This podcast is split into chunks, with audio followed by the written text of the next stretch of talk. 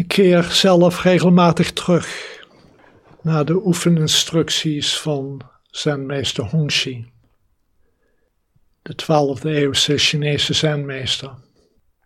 En misschien wel een van de grootste meesters die de soort zen-traditie heeft voortgebracht.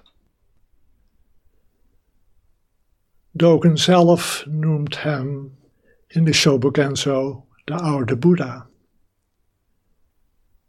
Hongxi als geen ander kan naar de essentie van het leven wijzen met de meest eenvoudige, directe woorden.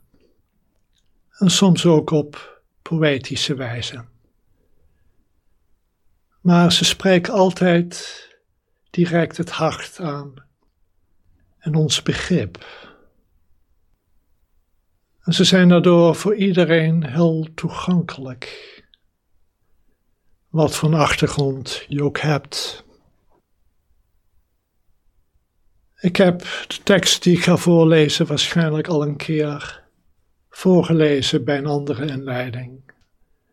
Maar deze teksten kan je opnieuw en opnieuw horen en lezen. Eigenlijk zou je willen dat deze teksten zo verspreid raken dat ze ook op scholen worden onderwezen. Want zou het niet mooi zijn als we hiermee zouden kunnen opgroeien? Met een diep inzicht van waar het leven werkelijk om gaat. Hoe we werkelijk goed kunnen leven.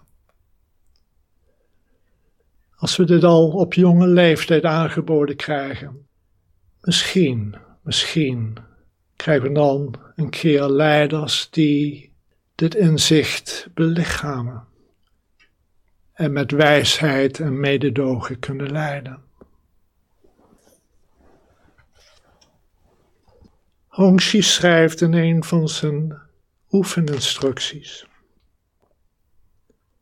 Om echte werkelijkheid te beoefenen, hoef je slechts sereen te zitten en stil gewaar zijn.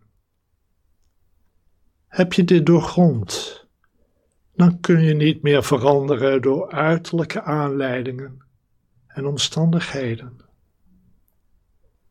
Deze lege, volledig open geest verlicht op een subtiele, waarachtige manier. Wees wijds en vervuld, niet verwacht door grijpgrage gedachten. Maak een einde aan gewoontepatronen en verwezenlijk het zelf dat niet bezeten is van emoties. Leef niet kortzichtig, maar een tegen en teer niet op anderen. Zulk een rechtschapen, onafhankelijke geest bezit de vermogen om niet langer onterende situaties na te jagen. Hier kun je rusten en vind je reinheid, puurheid en duidelijkheid. Stralend en doortastend kun je je elk ogenblik omkeren en op een harmonische, adequate manier omgaan met gebeurtenissen.